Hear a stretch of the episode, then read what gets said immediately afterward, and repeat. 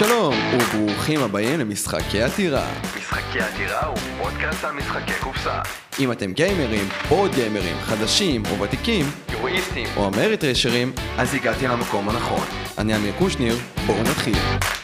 מצטרף אליי היום איתי רוזנבאום. איתי, מה קורה? הכל בסדר? מה המצב? אחלה ואחלה. עקב היותי בן אדם מאוד מאוד חד וחריף, אנחנו מקליטים את הפרק הזה פעם שנייה. ותודה לאיתי שהוא מסכים אה, להיותי בן אדם מעצבן. לפני שאנחנו מדברים על נושא הפרק, נשאל את השאלה הכי פשוטה של המשחק האחרון ששיחקת. Uh, המשחק האחרון ששיחקנו היה ואסט, משחק אסימטרי לחלוטין, כלומר זה יותר אפילו חמישה משחקים בתוך קופסה אחת. כל אחת מהדמויות יש לה מטרה שבדרך כלל כוללת או להשמיד את אחת מהדמויות האחרות או לשחק קצת עם המפה ומשהו כזה.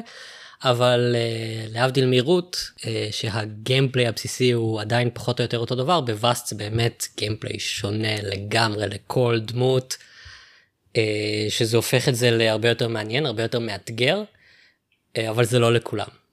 לא כולם נהנו מהמשחק. Uh, צריך להיות מאוד בראש כזה של אוקיי זה זה עכשיו פאזל מאוד מאוד מורכב עם מלא חתיכות נאות ואני לא בהכרח מבין מה כל האחרים עושים כי אני לא יש כאילו לא ממש התעמקתי בדמות ואני רק מנסה לפתור את הדמות שלי כרגע. זה מעניין לי את השאלה, ברות למשל, אתה מקבל יתרון על ידי כך שאתה יודע איך שאר הדמויות האחרות עובדות. בווסט זה אותו דבר או שאני יכול להיות האביר אם אני לא טועה או, או המערה רק לדעת מה אני עושה ולנצח? ברות היתרון הוא גם ש... כלומר מה שאתה צריך לדעת בפקשנים האחרים זה בעצם איך הם משיגים נקודות. כי הגיימפליי הוא אותו דבר, כלומר אני אלך, אני אלחם, אני אפתח uh, זה. פה בגלל שזה כל כך שונה, וגם סיבוב ברות הוא פחות או יותר צפוי, כלומר אתה יכול לראות מה פקשן מסוים יעשה, יש פקשנים שהם יותר צפויים ויש פחות, נניח, אני מסתכל על הלוח של האיירי, אני יודע בדיוק מה הם הולכים לעשות.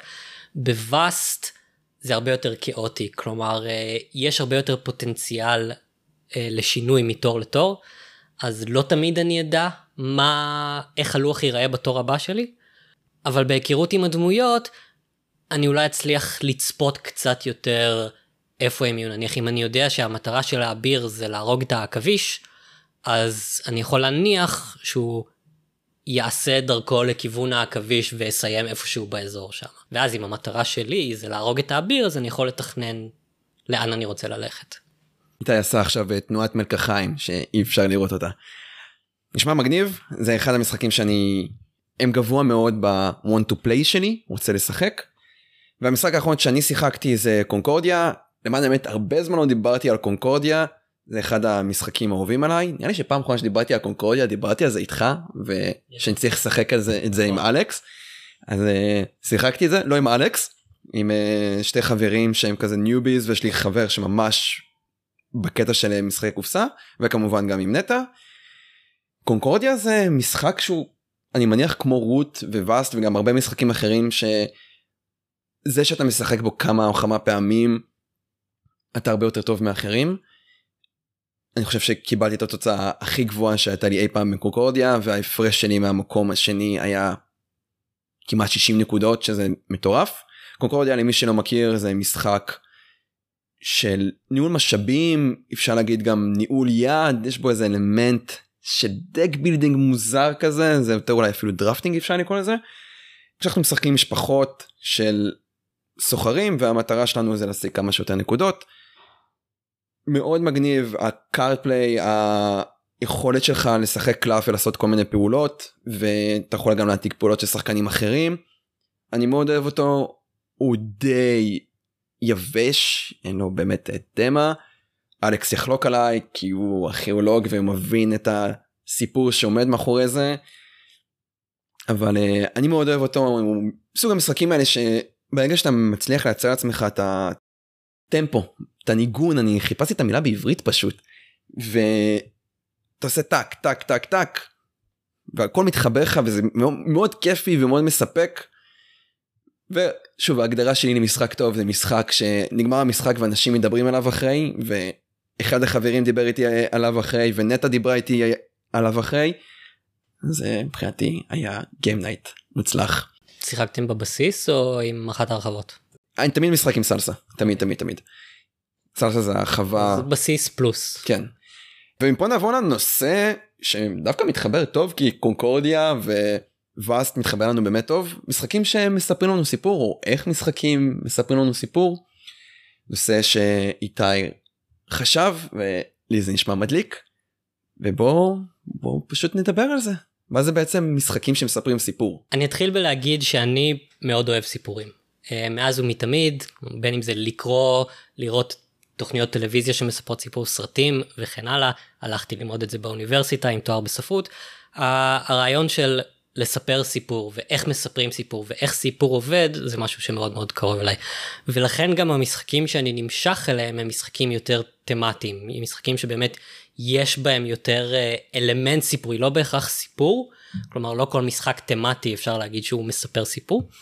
אה, אבל זה כן האזור של המשחקים שיותר מושכים אותי, מה שאמרת קודם, שמשחקים יבשים יותר, פחות מעניינים אותי, פחות, אה, פחות מושכים את, יכול להיות שיש לו גיימפליי מטורף ועיצוב מדהים, אבל אם אני לא מרגיש שאני מוציא משם איזה משהו, כלומר, מה שאמרת קודם, ש, שמדברים על המשחק אחרי, אז בעצם מדברים על, ה, על הסיפור שנוצר לנו, על הסיפור שסיפרנו עכשיו אה, ארבעתנו, חמישתנו, מי שזה לא יהיה, סביב השולחן.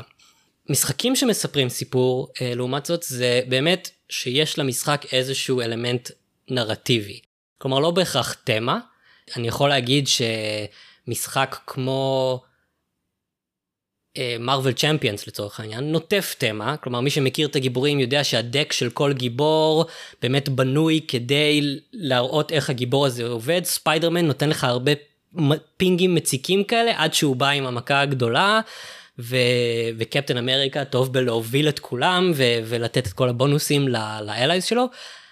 אבל אין באמת סיפור במהלך המשחק. כלומר, יש את ה scenarios עם כזה חצי פסקה על הקלף של הסכים, אבל זה לא באמת סיפור שאפשר אחר כך כאילו לבוא ולהגיד אה, ולספר אותו לאנשים. אבל אנחנו בעצם מספרים את הסיפור. אני לצורך העניין ששיחקנו ביחד אני הייתי איירון מן ואתה היית טוב והיינו מול ריינו אז אני נתתי לו יריתי עם הפולסר שלי ואז ריינו החליט לבזוז את העיר ויש לנו סוג של סיפור שאנחנו מספרים. כן אבל אני לא חושב שזה משהו נניח כמו כמו סשן של דיסנט שבאמת יש סיפור או פנדמיק uh, לדגסי אני נותן קצת ספוילרים להמשך אבל uh, משחקים כאלה שבאמת מספרים סיפור כמו שהסיפור הוא חלק בסיסי מהגיימפליי שלהם. מרוויל uh, בגלל שאפשר להחליף את כל הדמויות ולהחליף את הסינריה וזה מאוד one and done כזה ואז כן אז איירון מן ותור נלחמו בריינו אבל שם זה נגמר פחות או יותר כלומר אין איזשהו נרטיב מעבר לזה. וכשאני מסתכל על משחקים שמשחקים שמספרים סיפור בעצם אני חושב שאיך שאני מסתכל על זה לפחות אני מחלק את זה לשלוש קטגוריות. הקטגוריה הראשונה אה, זה משחקים שהסיפור הוא התכלס כלומר הסיפור זה הדבר העיקרי שאני רוצה להעביר והגיימפליי זה בדרך כלל איזשהו משהו שנועד כדי לשח... לקדם את השחקן בסיפור. דוגמאות מאוד בולטות לזה זה משחקים כמו Tainted Grail אה, או Seventh Continent. אה, כל המשחקים האלה שיש לך איזשהו סיפור ענק, ואז יש איזשהו גיימפליי. שבעצם מקדם את השחקן לאורך הסיפור. יכול להיות שיהיו כמה החלטות שהשחקן יבצע, אבל בגדול זה פשוט משפיע נניח על הסדר שבו דברים ייחשפו, אבל הסיפור עצמו די נשאר אותו דבר. כלומר, אם אני משחק את אותה קללה ב-7th Continent, אז הסיפור תמיד יהיה אותו דבר כלומר יכול להיות שאני אחליט ללכת שמאלה במקום ימינה אבל בסופו של דבר אני אהיה מקום. המשחק למעשה מכתיב לך את הסיפור הוא לא משנה איך תגיע לשם אתה תקבל את אותו סיפור בוא נדבר באמת על 7 קונטיננט אם סיימתי אותו פעם אחת מאלף ועד תף שזה ייקח לי המון המון זמן.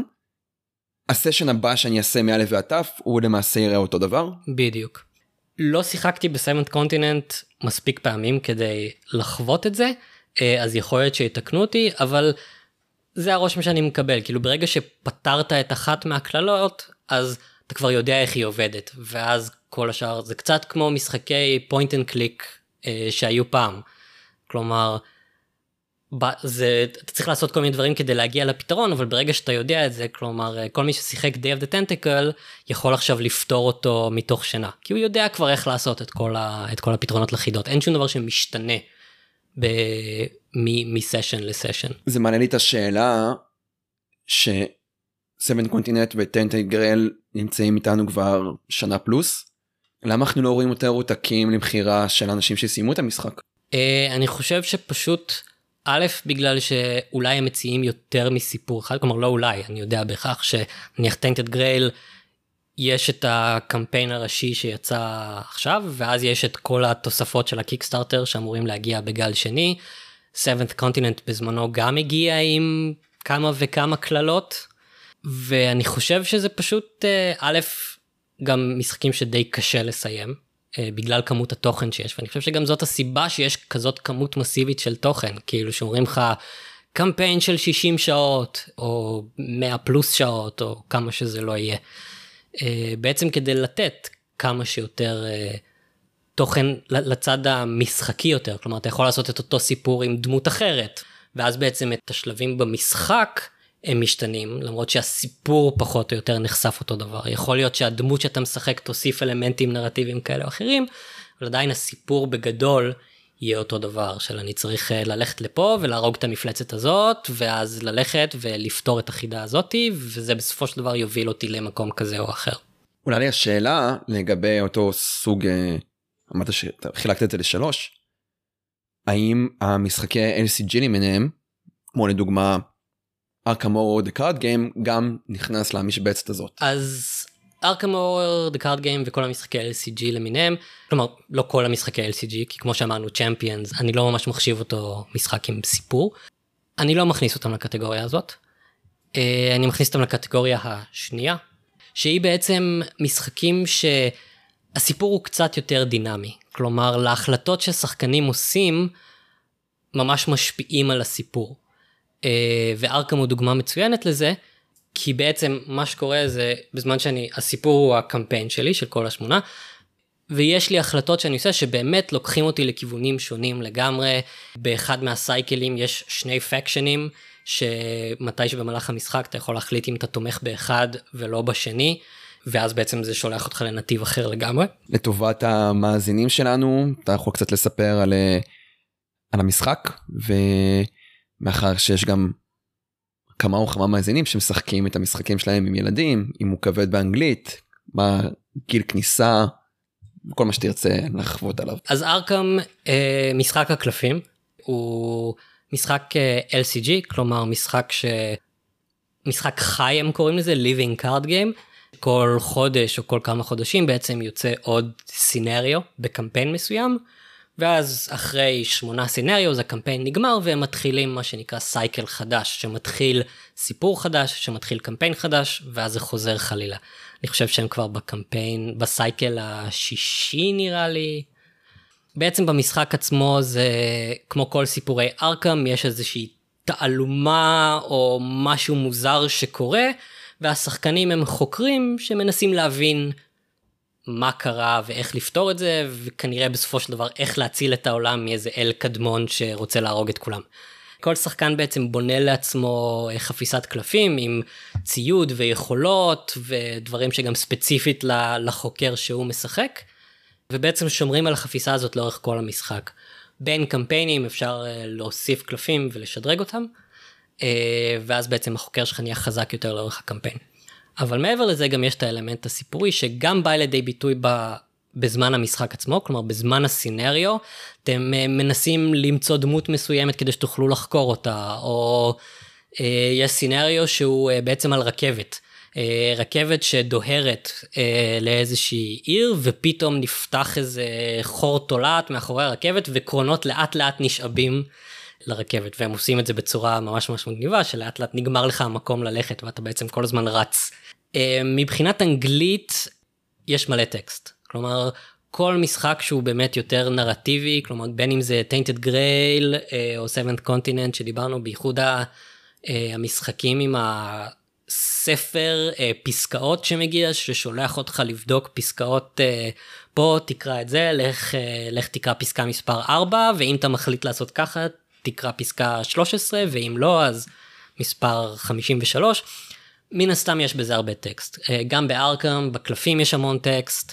בין לבין סינריו יש את הסיפור שלאט לאט מתפרס וגם שם יש טקסט אז אה, אם הילד יודע אנגלית סבבה מצוין.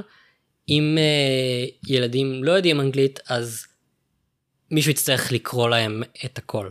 Uh, זה משחק שיתופי אז אין בעיה לראות את הקלפים אחד של השני אז זה אפשרי. פשוט uh, קחו את זה בחשבון. אני גם אוסיף שארקם בגלל שהוא משחק אימה uh, אז לפעמים התכנים שלו הם קצת קצת פחות מתאימים לילדים קטנים. כלומר גם הציורים שיש על הקלפים יכולים להיות גרפיים. אה, וגם בסופו של דבר מדובר פה על משחק עם מפלצות שאוכלות אנשים ו- ורצח ו- ודברים שהם קצת אה, בוא נגיד לא הייתי משחק עם זה ילדים ממש קטנים. זה גרפי אימה זה לא גרפי עירום וכאלה. לא, לא כן אה, כלומר חלקי גוף מפלצות שמתפוצצות וכל מיני כאלה. אני חייב להגיד לגבי ארקאם NCG לקראת גיים כל כך הרבה טייטנים יש לו. שהוא משחק מדהים הוא באמת מעביר את הסיפור בצורה מאוד חזקה. אני לא באמת זוכר איזה מהסנריואים אבל אתה צריך לברר מה קורה באיזה עיירה ואז אתה מבין שיש שם איזושהי cult ואתה צריך למצוא את ה cult ואז אתה מוצא איזה cultist והכל מתגלגל קדימה וזה mind blowing אתה ממש מרגיש את הסיפור. המשחק גם לא קל. הוא לא קל בכלל. אתה מפסיד סנריואים תרחישים כמה וכמה פעמים אבל הוא טוב הוא, הוא מאוד מספק כשאתה מצליח הוא מאוד הסיפור שלו אתה ממש מרגיש כאילו אתה חווה את הסיפור בתור uh, הבלש ג'ק או הברמנית uh, סנדרה וכל אחד ויש לו את ה pros and cons שלו. ואני אציין גם שאמרת שלפעמים מפסידים scenarios המשחק הקמפיין ממשיך כלומר המשחק יודע להגיב למה קורה שהפסדת ולפעמים זה ייתן לך פנלטי ב scenario הבא אבל זה לא מסוג המשחקים שאומרים אם הפסדת פשוט תשחק את זה שוב אה, או משהו כזה כלומר אם הפסדת אין מה לעשות אתה ממשיך הלאה. יש פעמים שלפעמים הפסד יגיד אוקיי כל הדמויות מתו נגמר הקמפיין תתחילו מההתחלה. אבל ברוב המקרים הפסד הוא פשוט חלק מהנרטיב הזה ש, שנבנה לאורך הקמפיין. ובעצם הצלחה אולי תעזור לך בסינריו הבא או תחשוף עוד קצת מהמידע. והפסד. יכול להיות שאתה תגיע למקום הבא באיזשהו חוסר ידע ויכול להיות שזה יחזור אליך בהפתעה של פתאום כזה אה ah, בגלל שלא גילית שהוא האויב בעצם חשבת שאפשר לסמוך עליו ואז הוא הפיל אתכם לבור עם גובלינים. אני גם אוהב שחלק מההצלחות שם זה כמו במשחקי מחשב אפשר להגיד שהצלחת את המשימה אז הנה קיבלת את החפץ הזה והזה וגם זה מוסיף לחוויה אמנם אתה לא השגת מידע על אחד הדמויות ואז אתה נענש על זה במהלך הסנריו הבא אבל אתה ממש מרגיש את ה... אוקיי קיבלתי עכשיו את הגביע הקדוש ואני הרבה יותר חזק ואני יכול להתמודד עם מפלצות. למרות שהוא לא באמת עושה אותך כל כך יותר חזק זה לא ממש לא אבל הצעדים הקטנים האלה מורגשים כלומר אם בהתחלה אתה מרגיש כזה או oh shit כאילו כל דבר שזז הולך כאילו להרוג אותי לקראת הסוף אתה כבר נלחם באלים קדמונים ומפלצות ענק אוקיי אני יכול להתמודד עם זה. אני מאוד אוהב את, ה... את ה grind את ה... איך אומרים grind בעברית? אתה לא שואל את הבן אדם הנכון. לחרוש את השחיקה אתה לא יודע אתה התקדמות ההתקדמות האיטית של לעשות להתקד... כאילו אתה מרגיש כמו בן אדם אמיתי לא כמו איזה סופר הירו.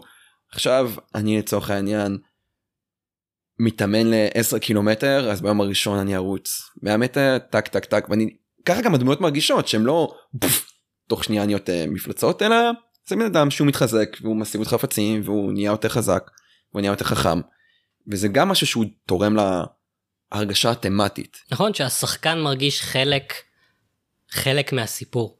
כלומר כשאני שיחקתי ב-7th קונטיננט אז בחרתי איזשהו דמות, אבל לא הרגיש לי שהדמות הזאת היא באמת חשובה. כלומר, היא אולי נתנה לי איזשהו בונוס ביכולות מסוימות, אבל לא הרגשתי באמת שזה הסיפור של הדמות הזאת. בעוד שכששיחקנו אה, עד היום, אני זוכר את הקמפיין שאני ותומר שיחקנו של ארקם, שג'ים החצוצרן אה, זרק את, אה, אני חושב שזו ג'יל, אני לא זוכר 100% את השם של הדמות, אבל איכשהו בכל סינריו יצא שהדמות שלי מתה, כדי כאילו שהדמות של תומר תוכל לסיים את הסינריו בהצלחה. אה, וזה מין הרגיש מין כזה, זה מה שהם עושים, כאילו היא פשוט אה, מקריבה את עצמה כדי שהוא יוכל אה, להגיע ל- לסוף ו...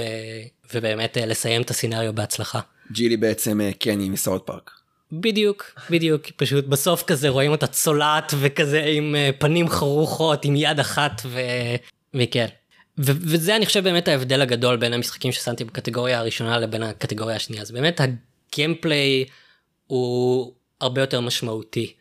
אם במשחקים בקטגוריה הראשונה באמת הסיפור הוא הכוכב והגיימפליי הוא דרך להגיע מנקודה א' לנקודה ב', אז פה המשחק שאתה מקבל הוא הרבה יותר עשיר ועם הרבה יותר בשר. ובגלל זה גם אני אישית יותר מתחבר למשחקים כאלה מאשר משחקים כמו Tainted Grail או 7 Continent. כי פשוט אני לא מרגיש שאני באמת משחק משחק, כלומר אני מרגיש שאני יותר פסיבי. כלומר זה יותר כמו לקרוא ספר. לקרוא ספר או לראות uh, סדרת טלוויזיה שאולי מדי פעם יש איזשהו משהו אינטראקטיבי זה כמו הספרים של ה-choose your own adventure כזה שכן אתה עושה החלטות אבל הכל כבר קבוע מראש והכל uh, ידוע. זה מעניין כי בסופו של דבר אם אנחנו מדברים על Tainted Grail ו-7th Continent זה שתי משחקים שהם מאוד הצליחו בקמפיינים של ה Kickstarter שלהם ואחרי זה גם אה, CMON Cool Mini Or Not לא משנה איך קוראים להם גם הצטרפו לחגיגה הזאת עם ה... איך קוראים למשחק הזה? אברגליידס אבר גם הם עשו איזשהו משחק סיפורי ו Etherfields החדש הוא גם אמור לרכוב על, ה... על הסיפור הזה של משחקים סיפוריים. למה המשחקים האלה כל כך מצליחים? אני חושב שזה משחקים ש... שעובדים טוב כלומר למי שאוהב את הסגנון הזה זה משחקים שעשויים טוב בדרך כלל רמת הפקה שלהם היא בשמיים ו... והם באמת מעבירים סיפור בצורה מאוד מאוד טובה כלומר יש את הקטע הזה של ה exploration של ה... לראות מה יקרה. כלומר פחות לקחת חלק פעיל בלהוות את מה שיקרה אה, אבל שוב זה כמו לראות סרט טוב אין לך אין לך חלק פעיל במה הולך לקרות בסרט אבל אתה לאט לאט נחשף ליותר ויותר מהעולם ליותר ויותר מהדמויות ואם זה כתוב טוב ועשוי טוב אז אין סיבה שזה לא יצליח. אה, אני יודע גם שזה משחקים מצוינים לקהילת הסולו כי שוב אתה יכול לשבת בכיף שלך עם איזה כוס קפה או בירה או מה שזה לא יהיה וללכת לחקור. לי אישית אה, אני פחות מתחבר לסגנון הזה כלומר לי אני לא אוהב את המשחקים עם, ה, עם הספר פסקאות לי זה תמיד מרגיש מאוד פידלי של כל שנייה ללכת לספר לקרוא את הפסקה. זה מה ש... זה החוויה שלי הייתה ששיחקנו טיינטד גרייל כאילו אתה הולך לאיזה מקום או אולי זורק איזה קובייה ואז לפי מה שיוצא אתה הולך לספר קורא פסקה ואז או שמטיל עוד קובייה או שמחליט לאיזה עוד פסקה ללכת וזה פשוט זה, זה לא מרגיש לי כיף זה מרגיש לי פשוט כזה מכני מאוד אה, וזה מוציא אותי מהסיפור כל פעם. בוא נחזור לקטגוריה השנייה שציינת שמשחקים שהפעולות שלך משפיעות והמשחק עדיין מספר סיפור. האם גם Gloomhaven האגדי המקום ראשון ב-BGG נכון להקלטת הפרק הזה נכנס לקטגוריה הזאת? אני אתוודה ואגיד שלא שיחקתי Gloomhaven אבל לפי מה שראיתי ו... ולפי מה שקראתי ב gameplay וזה אני חושב שהוא יותר נכנס לקטגוריה הראשונה. כי הסיפור הוא פחות או יותר סטטי כלומר הסיפור מוביל אותך מסינריו לסינריו ואתה משחק את הסינריו ואז uh, צריך להביס מספר מסוים של מפלצות או איזה בוס או מה שזה לא יהיה ואז אתה ממשיך בסיפור. כלומר זה לא כמו, ב, כמו בארקאם שהפעולות שאתה עושה במשחק עצמו כלומר האם אתה בוחר ללכת לחקור אה, את ה basement או את העליית גג הם אלה שישפיעו על איך הסיפור מתקדם. ב scenario עצמו יש מעט מאוד אלמנטים נרטיביים כלומר זה יותר הלולאת gameplay של להילחם להתקדם להילחם להתקדם. כן slash כזה כמו Diablo. ודומיו. כן. על כיפאק בוא נעבור לקטגוריה האחרונה. אז הקטגוריה האחרונה היא אני אקרא לה משחקים שלא מספרים סיפור. מה שאני אומר בזה זה אומר שמשחקים על הנייר, הם קוראים את התיאור שלהם או את המאחורי הקופסה, אין להם איזשהו קריאה או התיימרות אה, להגיד אנחנו הולכים לספר סיפור אפי. כלומר, המשחק הוא משחק stand alone, עומד בפני עצמו, יכול להיות שיהיה לו לור או fluff או משהו כזה, אבל המשחק עצמו לא בא לספר סיפור, והסיפור שיוצא מהמשחק זה מה שיוצא מהמש... מהמשחק עצמו. כלומר, מה... כמה שעות שלא תשבו סביב השולחן והפעולות שיקרו במהלך המשחק הם אלה שייצרו את הסיפור. שאני חושב שהדוגמה הכי טובה למשחק מהסוג הזה זה טווילט אימפריום, TI4. כי TI4 לא מספר סיפור, כלומר אין, לזה, אין לו איזשהו נרטיב שהוא בא לספר כמו גלום הייבן או ארקם או משהו כזה, או אפילו לא המעט שיש בצ'מפיונס.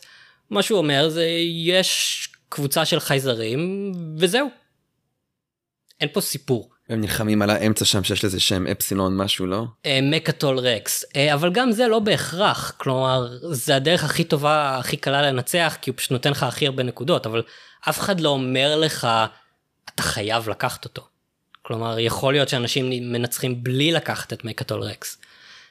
אבל כל מי ששיחק TI יכול לספר את הסיפור שנוצר בעקבות המשחק ולספר איך האימפריה הזאתי הייתה בברית עם, אה, עם גזע אחר והם בגדו בו ברגע האחרון ודחפו אותם למין לזרועות של, אה, של האויבים הכי גדולים שלהם ושניהם ביחד באו ו, והצליחו להביס את, ה, את האימפריה הראשונה וכן הלאה וכן הלאה וכן הלאה.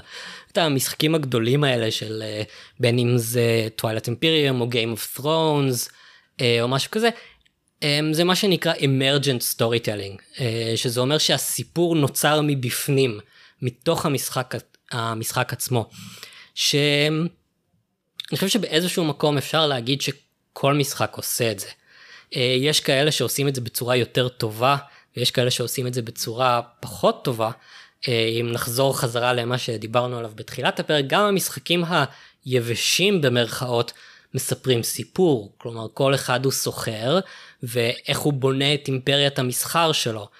אה, אז יש מקומות שזה יותר מורגש ויש מקומות שזה פחות מורגש כלומר אני זוכר שאלכס פעם סיפר על איזה משחק באינדונזיה שהוא שיחק אה, שהייתה לו חברה שביססה מונופול על, אה, על השינוע וככה בעצם הוא פשוט גרם לכך שכולם יצטרכו להשתמש בחברה שלו כדי לשנע דברים ממקום למקום. וזה סיפור, אני די בטוח שיש סרט בנטפליקס על מישהו שהקים חברת שינוע והפך להיות מונופול אה, וזה. אז בעצם מה שאני בא להגיד זה כל משחק בעצם מספר סיפור. וכשאני אומר שאני נמשך למשחקים שהם יותר תמטיים, בעצם מה שאני בא להגיד זה, אני נמשך למשחקים שבהם אני יכול לספר את הסיפור שסופר במהלך המשחק. זה מה שלי עושה חם בלב, כלומר זה ה... מעבר ל... לדבר אחרי.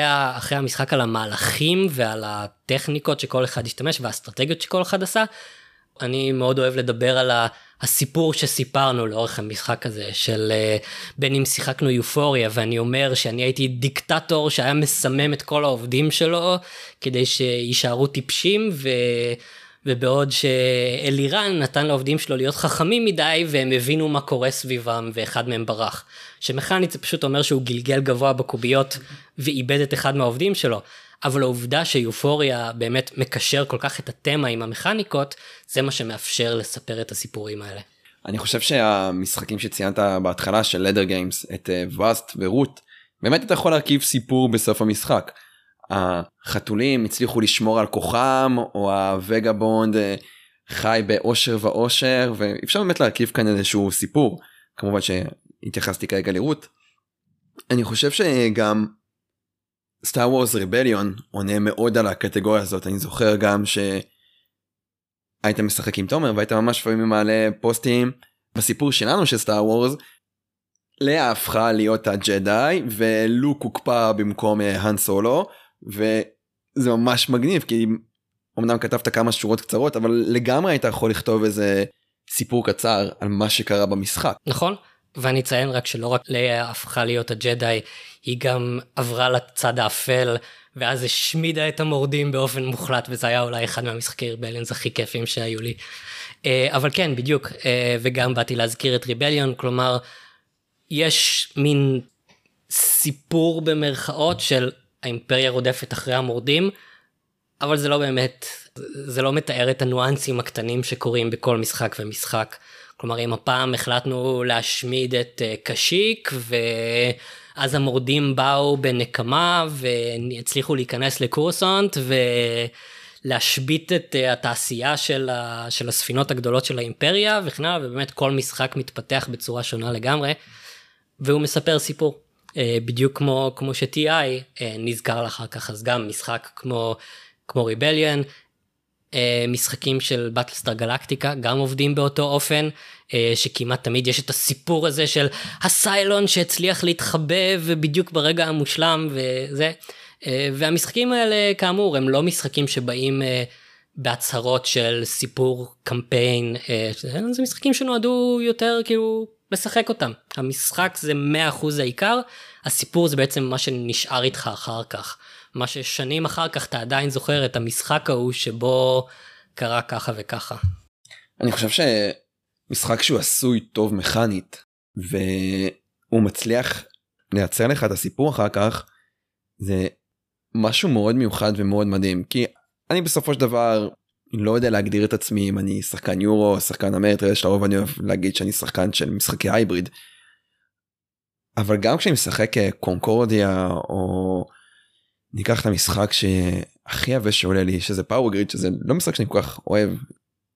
אני לא מצליח לחבר שם סיפור אבל מצד שני בכאוס אין דה אולד וורלד או רוט או ואסט או אפילו גם בריבליון יש לי סיפור גם בלג'נדרי שאתה יודע למעשה זה משחק אמרנו שנקליט פרק בלי לדבר על לג'נדרי אני לא מאמין פספסת פספסת אבל גם ב Legendary אני מספר לעצמי את הסיפור אין שם באמת סיפור יש שם מכניקות אוקיי נכנס אויב צריך להרביץ לו צריך להביס את ה mastermind. אנחנו מתקשרים בינינו כי זה משחק אה, semi coop אה, כאילו זה משחק קואופרטיבי של תשאיר לי את הקלף הזה.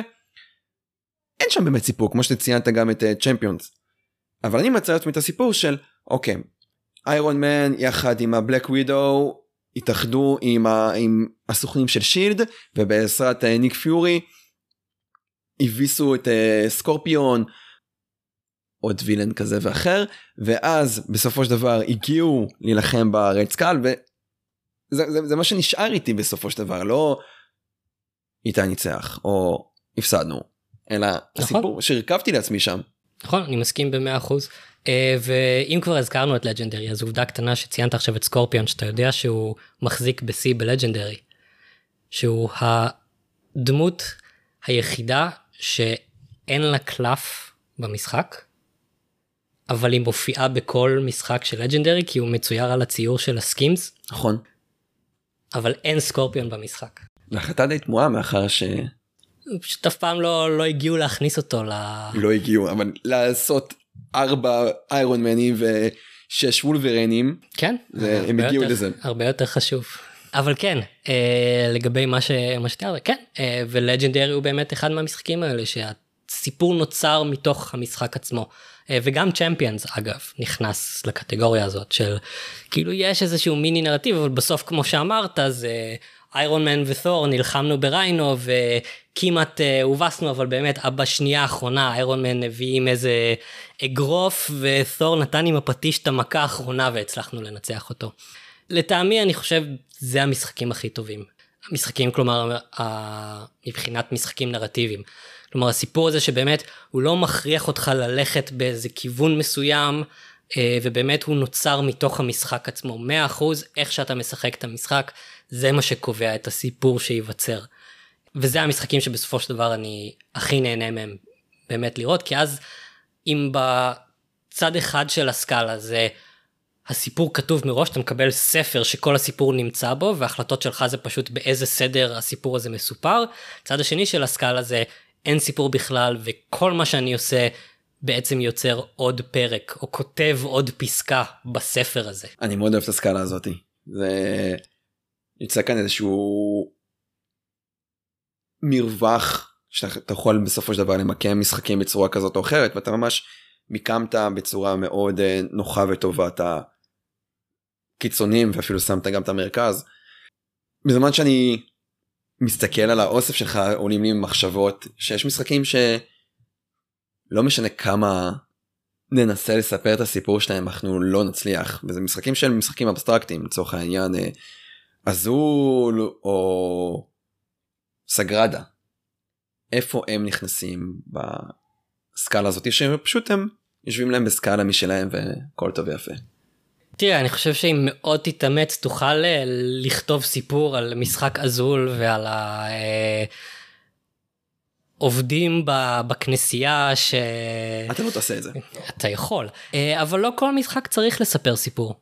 יש משחקים שזה בסדר לגמרי שהם פשוט עומדים כמו שהם, בין אם זה משחקים אבסטרקטיים כמו אה, סגרדה אזול, סנטוריני לצורך העניין, אה, ובין אם זה משחקים קצת יותר כבדים כמו seventh wonder, שכן אפשר להגיד שם שיש איזה סיפור של האימפריה שאתה בונה לפי הקלפים, אבל זה פחות. זה הסיפור שאני מספר לעצמי בטרפורמינג מרס, אני עכשיו אה, חברת הברזל של כדור הארץ והשגתי את הפרויקט הזה מנאסא ואת הפרויקט הזה מסוכנות החלל הרוסית.